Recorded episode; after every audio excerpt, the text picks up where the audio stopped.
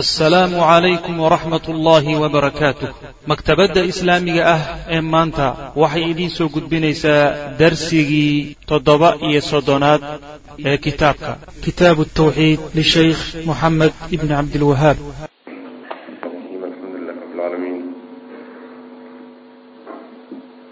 sal allahuma wslm cala nabiyina mxamedi wcala alihi wasaxbihi ajmaciin ama bacdu qala almualifu raximah llahu tacaala laa yuqaalu assalaamu cala allah wuxuu leeyahay lama yidhaahdo salaam ilaahay dushiisa ha ahaato sidaa lama yidhaahdo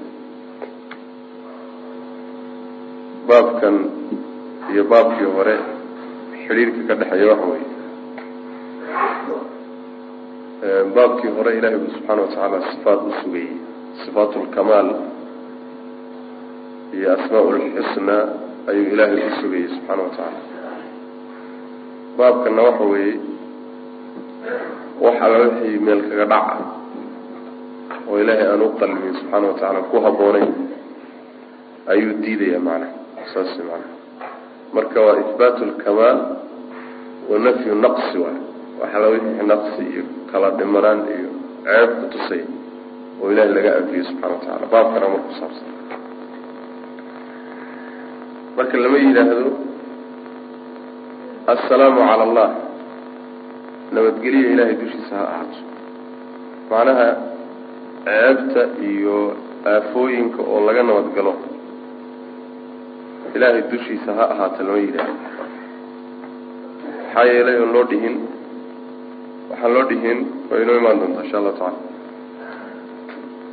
fi saxiixi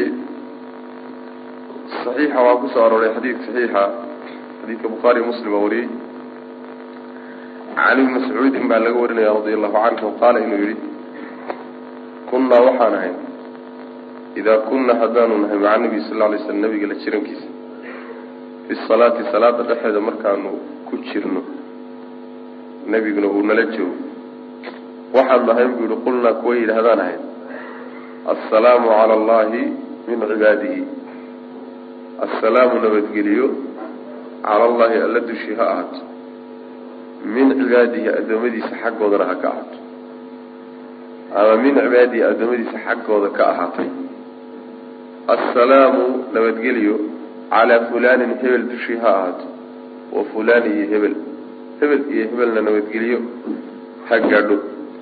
Faqaala nabiyu sal ly sl nabigaa wuxuu yihi laa taqulu ha dhihina assalaamu cala allahi ha dhihina fain maxaa yeelay faina allaha alle huwa isaga ayaa assalaamu isagaaba salaam ah isagaaba magacaalaho tilmaantaa wuxuu ku tilmaaman yahayba sidaa daraaddeed dushiisa ha ahaato ha dhihina buu nabigu yihi salawatullahi wasalaamu caleyh macnehedu waxa weeye ilaahay dushii waagii hore ee waxyigu markuu degayo nabiga ay la joogeen salawatullahi wasalaamu caleyh atixiyaadka intaan si fiican loo barin. Ayay sidan u atixiyaadsan jireen. Ama hadalkanay odhan jireen. Yaani ilaahay dushiisa nabadgelyo addoommadiisa ka tag ka tagtay. Dushay ilaahay dushiisa ha ahaato. Saasay odhan jireen. Hadal noocaas oo kale macnihiisu yahay. Markaasay makhluuqaadkii salaamay jireen oo dhihi jireen assalaamu calaa fulan ala calaa matalan jibriil assalaamu calaa mika-iil assalaamu calaa israafiil assalaamu calaa fulan saasay u salaami jireen macnaha. Yani assalaamu calaa rasuuli illah mid mid bay u salaami jireen. Marka nebigu salawatullahi wasalaamu calayhi salaamtan dheer ay daba dhigayaanna waa la bedelay oo nebigu wuxuu baray atixiyaadku baray. Talabaadna wixii khalada ku jiray baa laga saxay oo ah ilaahay oo subxaana watacaala la yidhaahdo nabadgelyo dushiisa ahaato. Arrintaa waa la diiday iyada waa laga saaray. Sababta loo diidayna waxa weeye waa wixii waa duco wey ducada marka ilaahay looma duceeyo subxaana watacaala isagaa la baryaayo looma duceeyo ale addoommadiisa waa ka kaaftoomaa ilaahay subxana watacaala addoommada nabadgelyo ka timid ilaahay dushiisa ha ahaato. Waxaa kaloo ka muuqanaysa hadalka noocaas in uu ilaahay subxaana watacaala uu dhiman yahay uusan dhamaystirnayn maxaa yeelay yani waxaa loo duceeyaay oo looga duceeyaa aafa looga duceeyaa ama kala dhimanaan looga duceeyaa. Meel aqbali karta kala dhimanaanshaha iyo aafada aqbali karta saas waa inay suurtagal tahay.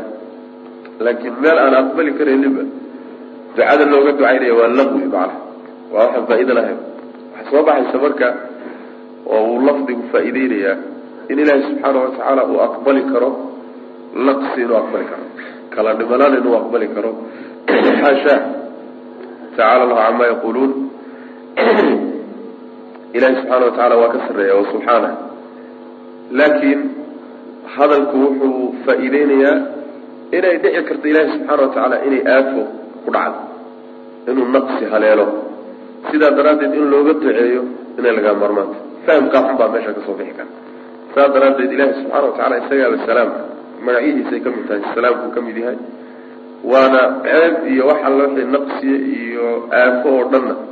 Rabbi subxaana watacaala isagaaba gacanta ku haya marka ma haleesho. Marka ilaahay subxaana watacaala isagaa magaca leh saa hadhihin waxba ha u ducaynina wy macnaha. Fi saxiixi saxiixa waxaa ku soo arooray can mascuudin radia allahu canhu qaala wuxuu yihi kunaa waxaan ahayn idaa kunaa haddaan nahay maca nabi sal ly sl nabiga la jirankiisa fi salaati salaada dhexeeda markaan ku jirno nebigana aan la joogno waxaanu ahayn qulnaa kuwa yidhi haddaanu ahay. Assalaamu cala allahi nabadgelya alla dushii ha ahaato min cibaadihi addoommadiisa nabadgelyadaas oo ka timid. Nabadgelya addoommada ilahay ka tagtay dushiisa ha ahaato. Assalaamu nabadgelyo calaa fulanin wa fulan fulaninta wa fulanita riwaayo kalaa fasirtay waxay dhihi jireen assalaamu calaa jibriil assalaamu calaa mikail assalaamu calaa rasuuli saasay dhihi jire marka assalaamu calaa fulanin hebel dushiisa ha ahaatay odhan jireen nabadgelyo wa fulanin iyo hebel.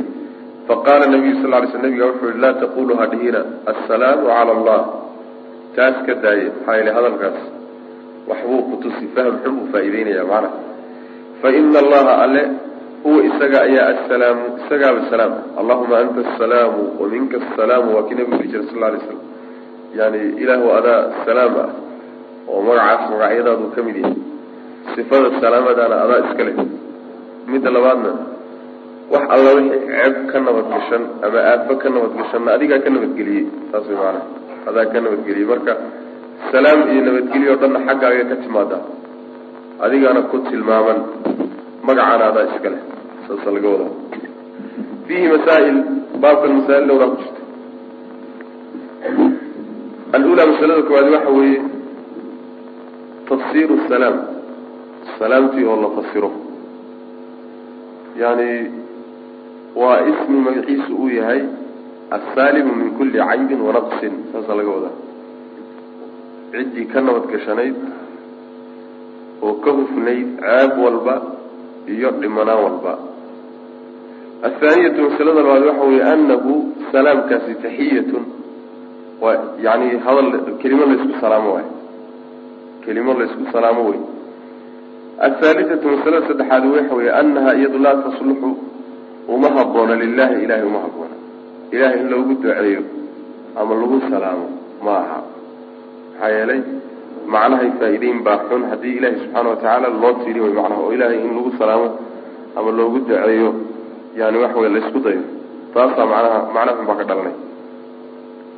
Alraabicatu masalada afraad waxa weeyaan alcillatu fi dalika sababka arrinkaa ku dhex jira loo diiday. Muxuu yahay sababka loo yidhi hadhihina assalaamu cala allah sababka waa la sheegeyo cillada waxa weeyaan liana allah huwa asalaam waay ilahi isagaaba salaam marka maadaama magaciis magaca uu leeyahy sifada salaamadana uuba ku tilmaamaya yani waxa weeyaan salaamtii iyo nabadgelyadii timaadana xaggiisa ay ka timaado haddii markaas waxa weeye in aada u ducaysaani macno xun baa soo bixi. Sidaa daraaddeed daaya wey alkhaamisatu masalada shanaadi waxa weeye tacliimuhum baritaankooda nabigu uu baray sal alay waslam ataxiyata salaamtii ayuu baray. Allatii taxiyadaasoo tasluxu lilahi ilaahay u haboon hadalkii waxoogaa yaro qalloocsanaa markuu nabigu u diiday sal alay waslam hadal ku haboon buu booskii ugu bedelay oo waxa uu baray nabigu sal alay waslam altaxiyaatu lilahi wsalawaatu wاayibaat taasuu nabigu baray sal alay waslam yani assalaamu calayka ayuha anabiy waraxmat ullahi wabarakaatu waraxmat ullah assalaamu calayna wacalaa cibaadi illahi asaalixiin marka intaasaaba lagu ururiyeyba ilaahay marka salaamta u haboon ee u qalanta waxa weeye altaxiyaatu lilahi wsalawaatu walayibaat ama altaxiyaatu almubaarakaatu alsalawaatu alayibaatu lilah labaduba way soo arortay macnaha taasaa ilahay u qalanta rasuulkiisaood salaamtaanna waa ta ku xigta wa oo ducaa. Addoommadii oo dhan oo isku duuduubanoo hebel iyo hebel aynaan kala dhihinna ta ku xigta wa tawxiidka marka laga dambeysay saasuu ilahay baray iyuu nabigu baray sal ly slam saxaabada. Tii hore marka loo diiday khaldanayd baabu qawli allahuma kfir lii in shita. Wuxuu baab u yahay odhaahda uu addoonku dhaho ama dadka qaarkii ay yidhaahdaan ilaahu ii dhaaf oo ii dembi dhaaf haddaad rabto. Ilahu haddaad doonayso ii dembi dhaaf. Saas oo la dhaho ayuu baab u yahay baabu qawli man cid odhahdii ayuu baab yahay. Uu yihi allahuma kfir lii allow ii dhaaf. Dembigaan galay ii dhaaf in shita haddaad doonto. Hadalkaas ma fiican yahay mise ma fiicna ma banaan yahay mise ma banaana ma banaana sida xadiidka ka muuqata fi saxiixi saxiixa waxaa ku soo arooray xadiidka saxiixa waxaa ku soo arooray bukhaari muslim ay warinayaan. Can abi hurayrata abu hurayrana laga warinaya ana rasuula lahi sal lay slam rasuulku qaala wuxuu yihi laa yaqul yuusan odhanin axadukum midkiin allahuma kfir lii ilaahu ii dhaaf in shita haddaad rabto. Haddaad doonayso ilahu ii dhaaf. Allahuma arxamnii ilaahu ii naxariiso in shita haddaad doonto. Ha odhanina saa. Maxaa la doonaya haddii taa la diiday waxaa la doonaya liyaczimi lmas'alata codsiga iyo baryada ha gooyo oo yuusan ku xidhin waxba yuusan ku xidhin maxaa yeele fa ina allaha ale laa mukriha lahu. Wax qasba ma laha. Ilahay wax qasbi kara subxaana watacaala ma uu jiro. Macnaha waxaa laga wadaa addoonku markuu ilaahay baryayo subxaana watacaala wax weydiisanayo qaababka uusan ilaahay inuu u baryo aan la rabin ama aan la ogolayn waxaa ka mid a inuu yidhaahdo ilaahu haddaad doonayso ii dhaaf ii dembi dhaaf. Ilaahu haddaad doonayso ii naxariiso ilaahu haddaad doonayso waxaa isii inuu yidhahdo lama rabo gacna sababka loo diidaya waxa weeye hadalkaas waxaa laga fahmayaa. Dhowr arrimoodba waa laga fahmaya oo xulxul ah. Midda koowaad weeyaan ruuxu waxoogaa la qasbi karo oo cid kaloo qasabta ay jirto ayaa hadalkaa lagu yidhaahdaa. Haddaad rabto isii saas way maanaa haddaad doonayso kula quman tahay. Isii macnaheedu waxa weeye ilaahay subxaana watacaala ma waxaan la qumanayn oo uusan doonin uma bixiyaaba. Haddaad doonayso isii hadal macnaha waxa weeyaan ilaahay subxana watacaala ku haboon ma ah oo waxaa ka muuqata wix uusan doonaynin wax uusan doonaynin inay dhici karto in lagu qasto oo la marsiiyo fahamkaa iyo macnahaasina waa macno xun ah macnaha labaadi waxa weeye meesha laga fahmayo addoommada ayaa laga yaabaa markay wax bixinayaan in ay u bixiyaan ruuxan aada haddaad wax diido ama hadhowta isaguna wax kuu diidaa haddaad wax diido amay dhibaata kaa soo gaadhaa. Isagoo marka karaahaysanayo qalbigiisu raalli ku ahayn buu bixin wey mar badan bay addoommada dhacdaa laakiin allah subxaana watacaala addoommadiisana uma baahna. Oo hebel waad u baahan tahay maanta ha qadinin siduusan berri kuu qadiyin ama maanta haddaad u diiddo wuu ku dacayday. Ama haddaad u diiddo dhib baa kaa soo gaadhay. Rabbi subxaana watacaala kuma jirto. Ma laha. Addoommadiisa waa ka kaaftoomana waana hani ilahi subxaana watacaala yani maarmo wey addoommadiisa waa ka maarmo. Marka wax qasbi kara ilahay ma jiro subxaana watacaala ta labaad waxaa ka muuqataa haddaad doonto isii nin hado yani waxa weeyaan baahidiisa muujisanayo mateed haddaad doontana isii haddaad doontana hade idiid sidaas way macanaa haddaad doontana isii haddaad doontana hade iska hayso. Nin baahi muujisanahayo oo isdhiibay oo tadarucayo oo rafaadsan oo allihii wax ka doonahayaba ma diida nin waxaa ta waa maarmaamay macnaa haddaad isiisana khayr haddaadan isiinin hade waxa weeyaan maan waa kaa maarmi karaa. Saasoo kalena waa laga fahmaya sidaa daraaddeed waxaa la doonayaa ilahay haddaad waxa weydiisanaysa inaad tidhahdo ilaahu isii ilahu waxisii su'aal go-an oo aadan ilaahay mashiicadiisa iyo doonitaankiisa ku xidhin ayaa la doonaya macana waxaa soo aroortay nabiga sal alay waslam axaadiistiisa ku soo aroortay in uu yidhi mid idinka idinka mid a yuusan geerida dalbin geerida dalbin oo yuusan ilaahu idildhin laakiin hadduu laga maarmaan ay tahay oo dhibaata ay qabsato oo uu ku qasbanaado inuu ilaahay weydiisto geeri ha yidhaahdo ilaahu hadday geeridu ii khayr badan tahay idil haddii ay noloshu ii khayr badan tahay noole. Marka mashiicadii ilaahay iyo doonitaankiisa soo laguma xidhin waxay kaga gedisan tahay taasi. Ilaahay baad leedahay anugu maslaxada iyo danta ma garanahaye se meeshay igu jirte ilaahu meeshii danta iyo maslaxada igu jirta imari waa ka gedisantaha marka. Tanina waxa weeyaan haddaad doontana isii haddaad doontana idiid marka islaba macno isku mid a ma ah istikaarada iyadana la istikaarada la mid. Ruuxu ilaahay uu yani waxa weye khayr weydiisanayo oo arrin uu doonayo inuu ilaahay subxaana watacaala uu kala tashado. Yani waa la ducaystaa.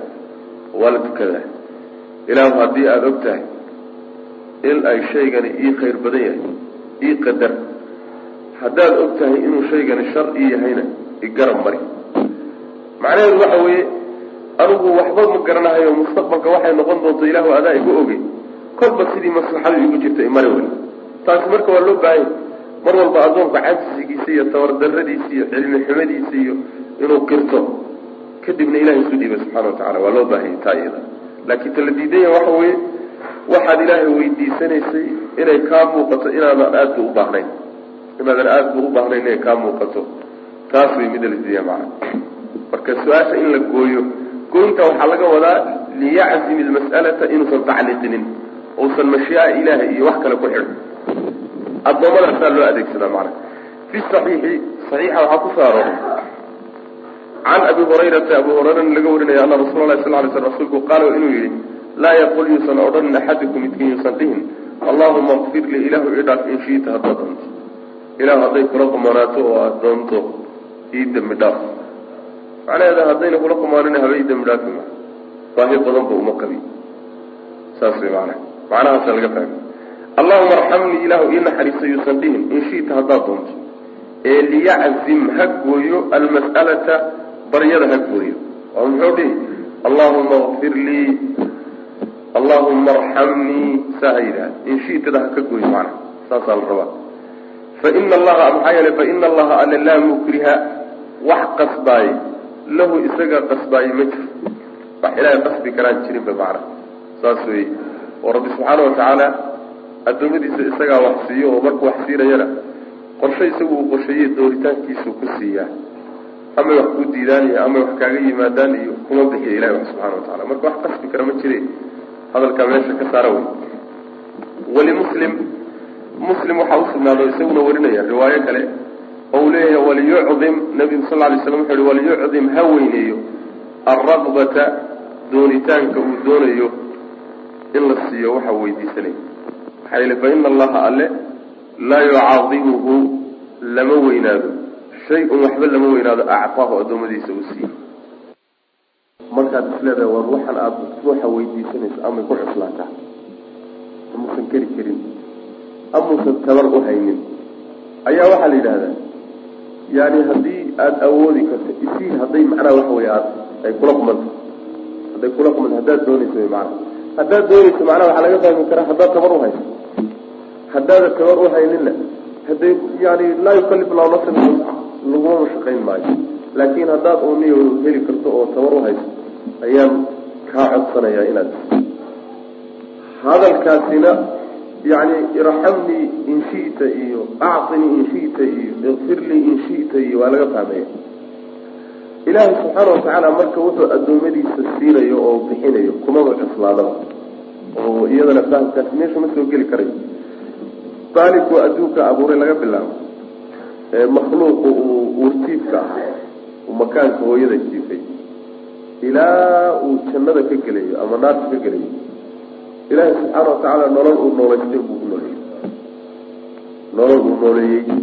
Unbuu ku nool yahay oo waa ka nabiga xadiidka saxiixa ku odhanaya ilaahay midigtiisu way buuxdaa. Wax uu bixiyeyna ma nusqaamiso habeen iyo maalinba waxunbuu ilaahay bixinaya subxana watacala adoomadiisa siinaya wixii uu bixiyey laga soo bilaabo maalintii samaawaadkiiyo dhulka uu abuuray maalinkaa laga soo bilaabo wixii uu bixiyey iyo waxa waxa uu hayay ee kaydadkiisa waaweyna waxba kama nusqaamin wax alla wax ay ka dhintay jirto.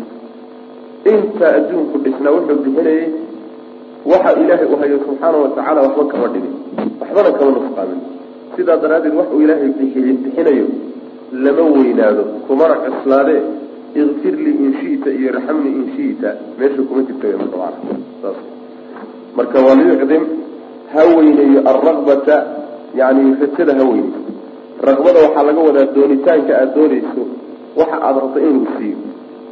Waxa aada codsanayso in siiyo doonitaankaas. Ha kugu weynaado. Oo weyneyso ee macnaha waxa wey oo su'aasha aada rabbigaa weydiisanaysa iyo baahida aada muujisanayso wax weyn ka dhig wey macnaha. Ilahay waxyaala waa weyn buu bixiyaa. Wax la weyna ma jiro. Ilahay bixintiisa subxana watacala uu ku weyn yahay macnaha waliyucdim iraqbata rabitaanka uu rabo in la siiyo wuxuu doonayo ha weyneeyo fa ina allaha alle laa yucaadimuhu lama weynaado shay waxba lama weynaado. Shaygaasu actaahu uu bixiyo adoomadiisa siiyey.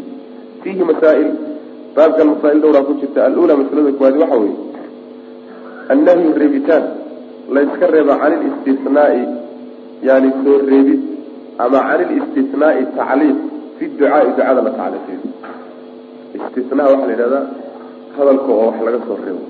Hadalka markan inta la sheego haddana qeyb laga soo reebo. Saasa la yidhahda halkan laakin wuxuu ka wada tacliiqii xadiis baada sheegay oo ah allahuma kfir lii in shita. Allahuma kfir lii markaad tidhi ilaahu ii dembi dhaaf. Waa hadal go-an. Markaasaa intaad ka daba tagtay waa waxaad tidhi in shita. In shitadaasi marka hadalkiibay wax ka soo reebtay. Hadalkii baad kaga daba tagtay macna. Marka qaabkaasoo kaleeto oo layska reebo ayaa xadiidka ku sugan. Athaaniyatu masalada labaad waxa way bayaanu lcillati sababkii oo la caddeeyo fii dalika arrinkaas sababka loo diiday arrinkaas oo isagana la caddeeyo. Oo sababkaas muxuu yahay? Macno xun baa ka soo baxay. Macno xun oo macaanida xunka waxaa ka mid a ilaahay in la qasbi karo way ka soo bixi. Waxaa kaloo ka soo bixi karaysa ilaahay subxaana watacaala inuu waxyaalaha qaarkood bixintoodu inay ku weynaan karto ay ku adkaan karto. Ayadana way ka soo bixi. Waxaa kaloo ka soo bixi karaysa addoonka laftiisiina baahi badan ba inuusan qabin oo haddaad doonto haddaad doonto hadday kula qumanaato haddii haddii haddii inay meel soo gasho ayadana macnaha waxa waa ka soo baxaysa marka arrimahaas ku jira daraaddeed baa loo diiday. Athaalithatu masalada saddexaad waxa wey qawluhu nabiga odhahda yihi sal lay slam liyaczim ha gooyo almas'alata baryada ha gooyo. Yani waa inaad aada isu liido markaad ilaahay subxana watacaala baryayso baahidaada iyo liidnaantaada iyo dulligaaga iyo kulli inaad muujisato oo ilahay hordhigto subxaana watacaala si ilahay subxana watacaala uu kaaga aqbalo ducadaada saasaa la doonaya laakiin waxoogaa isla weynan iyo kibir iyo qab hadduu kugu jiro. Haddaad doontana isi haddaad doontana ii diid. Hadal nin baahan ma aha macana in ilahay wax weydiisanaya hadalkii ma aha. Alraabicatu masalada afraad waxa wey icdaamu araqbati yani rajada iyo doonitaanka oo la weyneeyo. Adoonku markuu wax weydiisanayo inuu arrinkaa u weyneeyo. Alkhaamisatu masalada sanaad waxa wey altacliilu cilayn lihada alamri arrinkaa la cileeyo cilaynta waxaa laga wadaa sababkoo la sheega wey macana sababka keenay oo ah macnaha fainahu laa yucaadimuhu faina allaha laa yucaadimuhu shayun cataa ilahay wuxuu bixiyey kuma weyne. Yani doonitaankaaga iyo raqbadaada weyneyso waxba ilahay lama weyna subxana watacala bixintiisa macna baabu laa yuqaal laa yaqulu cabdii wa amatii wuxuu baab u yahay in uusan ruuxu dhahaynin cabdii wa amatii addoonkaygii iyo addoontaydii baabkan sheekh wuxuu kaga hadlayaa alfaad iyo kelimooyin iyo ereyooyin loo isticmaalo addoommada addoommada macnaha waxaa la yidhahdaa waa dadka lagu soo qabsado jihaadka gaalada lagu soo qabto waay nolosha lagu qabto kuwaasaa waxaa ka furan dhowr nooce nolosha in la laayo iyo in madax furasho inta laga qaato la iska sii daayo. Iyo in la addoonsado oo laga dhigto shaqaalo laga dhigto. Oo muslimiinta ay adeegsadaan oo addoommadii la aqoon jiray oo kale. Oo sida xoolaha xoolahaas oo kale marka ku noqonayaan oo gacanta gacantaaday gelayaan macnaha.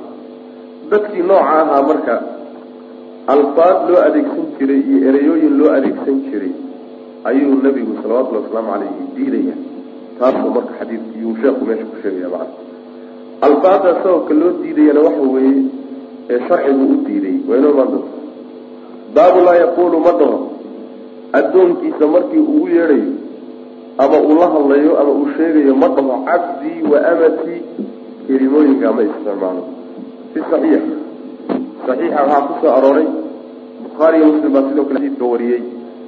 Waxaa ku soo arooray can abi hurayratana uu ka warinaya ana rasuula lahi sal ly slam rasuulku qaala inuu yidhi laa yaqul yuusan odhanin axadukum midkiin acim quudi rabbaka sayidkaaga quudi wadi u weysee rabbaka sayidkaaga u weysee walyaqul hase yidhaahdo sayidii wa mawlaaya rabbakadan loo isticmaalayo sayidka intuu joojiyo bedelkeed ha isticmaalo sayidii wa mawlaaya. Addoommadii baa marka lala hadlaya walaa yaqul yuusan odhanin axadukum midkiin oo sayidiyadii ka mid a cabdii wa amatii addoonkaygii iyo addoontaydiisa dhig. Muxuu dhihi walyaqul hase yidhaahdo fataaya wa fataati wa ghulaamii sa haysan fataaya addoonkaygi wa fataatii addoontaydi wa ghulaamii addoonkaygi saa ha yidhahdo bu nabi salawatullah waslamu aleyh macnaheedu waxa weeye alfaadan ayaa qaarna waxaa isticmaala addoommada la leeyahay. Qaarna waxaa isticmaala sayidiyadoodii lahaa. Sayidiyada leh ee gacantooda ay ku jiraan ayaa isticmaala. Sayidku markuu addoontii addoonkiisa u yeedhayo ama addoontiisa u yeedhayo waxaa la diidan yahay inuu yidhaahdo cabdii wa amatii saas yuusan dhihin baa leeyahay maxaa loo diidaya waxaa loo diidayaa ilaahay subxaana wa tacaala addoommadiisa. Ayaa waxaa la yidhaahdaa cabdullaahi. Haweenkana waxaa la yidhahdaa amatullah ilaahay addoonkiisii iyo addoontii ilaahay. Haddii marka ilaahay addoommadiisiina loo isticmaalo kelimada la yidhaahdo cabdi iyo ama addoonkan yani sayidkan makhluuqa ah addoommadiisa markuu la hadlayana uu kelimaadkii laftoodii u isticmaalo oo uu yidhaahdo cabdii wa amatii uu yidhaahdo. Waxaa soo baxaysa ilaahay iyo sayidka sayidkan addoommada leh iyo allihii makhluuqaadka abuuray oo adeegsiga kelimooyinkaas lawada la wadaajiyey. Adeegsiga kelimooyinkaas. Sayidkiina waa loo adeegsan addoommadiisii. Allah subxaana wa tacaala addoommadiisiina waa loo adeegsan adeegsigaasi marka kelimooyinkaa la adeegsanayaa waxaa ka muuqata in ay wadaagaan allah subxaana wa tacaala iyo sayidku inay wadaagaan. Macnahaasaa meesha ka soo baxay. Si macnaha looga fogaado marka kelimada la yidhahdo cabdi iyo sayid ilaahay kelimada la yidhahdo cabdi iyo ama ma ilaahay addoommadiisa una loo isticmaalo. Laakiin addoommada sayidkani uu leeyahay isaga iyo addoommadiisuna ilahay bay addoommo u wada yihiin. Kelimaadka ayaan loo isticmaalin ha loo isticmaalo fataaya iyo fataati iyo ghulaami kelimooyinka ha loo isticmaalo. Isticmaalka halkaa loo isticmaalo si loo kala duwo addoommada addoommada addoommada u ah. Yani makhluuqa addoommada gacantooda ku jira. Iyo alla subxaana wa tacaala addoommadiisa si loo kala duwo. Xataa afka iyo carabka iyo kelimada loogu kala duwo. Saa ha loogu kala isticmaalo maa innaga agteenna maadaama dee addoommaba aysan ka jirin yani taqriiban ma lahaan u malaynaya kala gedisnaanta male laakiin luqada carabiga leh luqada carabiga ayaa iskale oo luqadii dee sharciga ah ummadiina dee ay isticmaalaysa markaa sharcigu ku soo degay marka iyagaa kale lahaa sidoo kale kan addoonka a markuu sayidkiisa la hadlayo ha yidhaahdo sayidii waa mawlaaya ha yidhahdo sayidkaygii iyo kii i mawlaaya kii i xoreeyey laakiin yuusan kelimatu rabbi u adeegsanin rabbiga luqa ahaan waxyaalahay faa'idaysay waxaa ka mid a ay kutusto sayid waa loo adeegsadaa. Sayidka rabbi waa la yidhahda maaligka waxlehe gacantiisa ay ku jirtana rabbi waa la yidhahda ha kutusta macnaha isaga. Laakiin haddii sayidkii addoommadan lahaana rabbi la yidhaahdo markay u yeedhayaan ay yidhahdaan rabbii war rabbiga saa u yeel war rabbiga sidaa u samee. Allana marka subxaana wa tacaala macnaa waxa weeye ay u yeedhayaan ama ay la hadlayaan rabbi ay u isticmaalaan. Waxaa meesha ka soo baxday kelimada rabbi la yidhaah oo allada loo isticmaalay mid sayid oo makhluuqana loo isticmaalay. Kala duwan wey marka. Rabbi ilaahay ku gooniyeela kan makhluuqee sayidkaana waxaad u isticmaashaan haddaad addoommadii tihiin sayidii wa mawlaaya dhah. Hadalka xataa u kala duway macana waxaasaa loo leeyahay min baabi sadi daraa waxaa laga hortegaya shirkigaa laga hortegaya wadaajid ilaahay addoommadiisa wax la wadaajiyayaa sideedaba laga hortegaya macana taasa aada looga taxadaraya maxaa yeelay afkii iyo carabkii iyo kelimooyinkiiba ilaahay iyo addoommadiisa yaan lagu wadaajin haddii la yidhi. Xataa macnahu sax ha ahaado oo niyadu sax ha ahaado oo qalbigu ha saxsanaado laakiin afkaaga waxaa ka soo baxaya waxaa ka muuqata wadaajin ilahay addoommadiisa aad wax wadaajinayso maadaama ay sidaas tahay si arrinkaaba xididada lagu siiyo kelimooyinkaa ilahay keliya u adeegsada kelimooyinkaana sayidiyada u adeegsada. Ha isku darina way maana saasaa laga wada laakiin luqa ahaan marka loola laabto luqa ahaan kuwana macnaha waa faa'iideeya kuwana macnaha waa faa'iideeya. Oo jaahiliyadii iyo carabtii addoommada markay u yeedhayaan waxay odhan jireen cabdi bay odhan jireen addoonka. Addoontana waxay odhan jireen abati bay dhihi abati bay dhihi jireen qur'aanka laftiisa saasuu isticmaalay qur'aanka laftiisa saasuu isticmaalay wankixu layaama hooy min cibaadikum wa imaa'ikum in yakunuu fuqaraaa yugnihum allahu min fadlihi. Marka addoommada loo isticmaalay raggiina cibaad buu isticmaalay haweenkiina waxaa loo isticmaalay imaan waana lafdiga la diidan yahay wy maana oo xadiidku diiday. Marka afka laga fiican wy maana laga fiican. Saasaa macnaha la doonaya waa laga fiicay. Marka luqa ahaan iyo isticmaalkoodii way u isticmaali jireen. Wayna faa'iideynaysaa kelimo kelimooyinku way faa'iideynayaan laakiin aadaab ahaan iyo sida quruxda badan iyo sida fiican ayaa la isbarayaa waxaana lagaga soo hortegayaa shirkiga inay muuqato oo afka muslimiinta ay ka muuqato wax kutusaya ilaahay iyo addoommadiisa wax la wadaajiyey. Haba yaraatee intaasaa laga cararaya macana waa inagii soo marnay laa yaqul axadukum maa shaaa allahu wa shita. Saas way maana yani wax alla wixii xataa kelimooyin ee kutusaya wadaajin ilaah iyo addoommadiisa wax la wadaajiyey iyo isgarab dhig la isgarab dhigay iyo wax laysugu daray kulli waa in laga dheeraaday wy maana saas way macnaha yuu faa'ideynaya laa yaqul yuusan odhanin midkiin acim quudi rabbaka addoonkii baad la hadlaysaa. Markaad addoonkii la hadlaysaa waxaad doonaysaa inaad tidhaahdo war addoonyo sayidkaaga u adeego wax u qabo. Maxaad u adeegsani marka? Ha odhanin cabdi yani sayidka markaad la hadlayso oo uu addoonku sayidkiisa la hadlayo ha dhihin ama adigu markaad sayidka tilmaami rabto ha dhihin acim quudi addoonyo rabbaka sayidkaaga quudi ha dhihin wadi u weysee rabbaka rabbigaa u weysee oo sayidkiiya macna kelimadaa rabbi ah ka daaya sayidiyada wey macna oo ha ku dhihina walyaqul ha yidhaahdo sayidii wa mawlaaya. Waxaa la doonaya inaad tidhahdo acim sayidaka war sayidkaaga cunto sii wadi mawlaaka ama sayidaka sayidkaaga u weysee oo meeshii rabbida sayid geliya ama mawlaa geliya macna saas walaa yaqul yuusan odhanin axadukum midkiin yuusan odhanin cabdii addoonkaygi wa amatii haddana sayidyadii baa lala hadlaya sayid yahu markaad u yeedhayso addoonkaaga ama la hadlayso ha ku dhihin cabdii wa amatii labadaa kelima ha isticmaalin. Oo raggiina cabdi ha u isticmaalin haweenkiina amatii ha u isticmaalin maxaa yeelay ilaahay addoommada uu leeyahay baa labadan weedhood loo isticmaalaa oo la yidhaahdaa yani cibaadullahi wa imaa llahi in halkaa loo daayaa la rabaa. Maxaad iyagu odhanayaan marka markay addoommadooda la hadlayaan sayidyadu walyaqul ha yidhaahdeen fataaya yani igaarkaygi addoonkaygi wy maana wa fataatii addoontaydi wa ghulaamii addoonkaygii saa ha yidhahdeen saa ha yidhahdeeno saa u isticmaaleen. Si aan ilaahay addoommadiisu sayidyadan taata oo addoommo ah iyaga laftooda ilaahay addoommo u ah inay wax wadaagaan saysan ugu muuqanin macna. Fiihi masaa'il masaa'il dhowraa ku jirta waxaa kaloo loo deliishada xadiidka loo keena.